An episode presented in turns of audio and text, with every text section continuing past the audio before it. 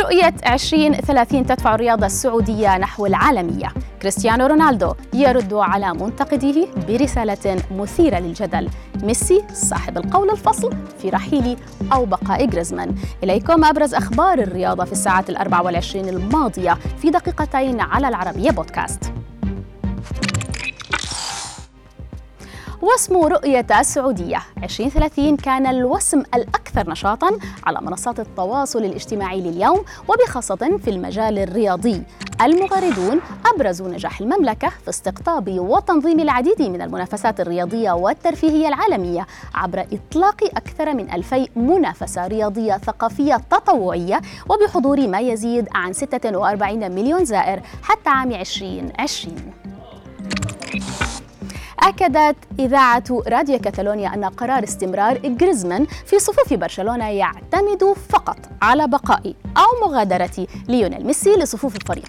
وبحسب ما أذيع فإن برشلونة لم يتلقى حتى اللحظة أي عرض يخص اللاعب الفرنسي الذي ما زال يرغب في البقاء مع الفريق الكتالوني بقيادة مدربه الهولندي رونالد كومان.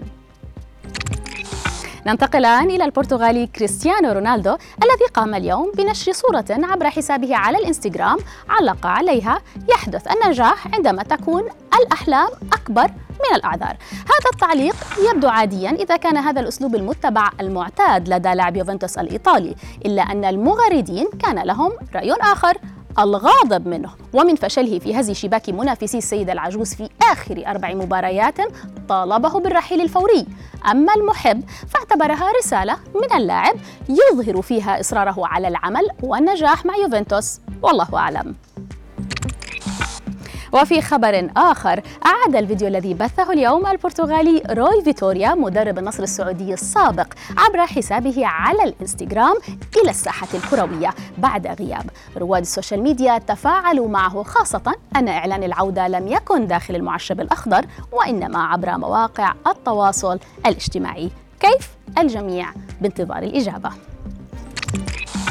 نختم مع البطاقة النادرة الموقعة من قبل ليبرون جيمس والتي بيعت اليوم في مزاد علني مقابلة يصل لأكثر من خمسة ملايين دولار أمريكي. حطم به الرقم القياسي لأغلى بطاقة كرة سلة بيعت على الإطلاق حتى اللحظة.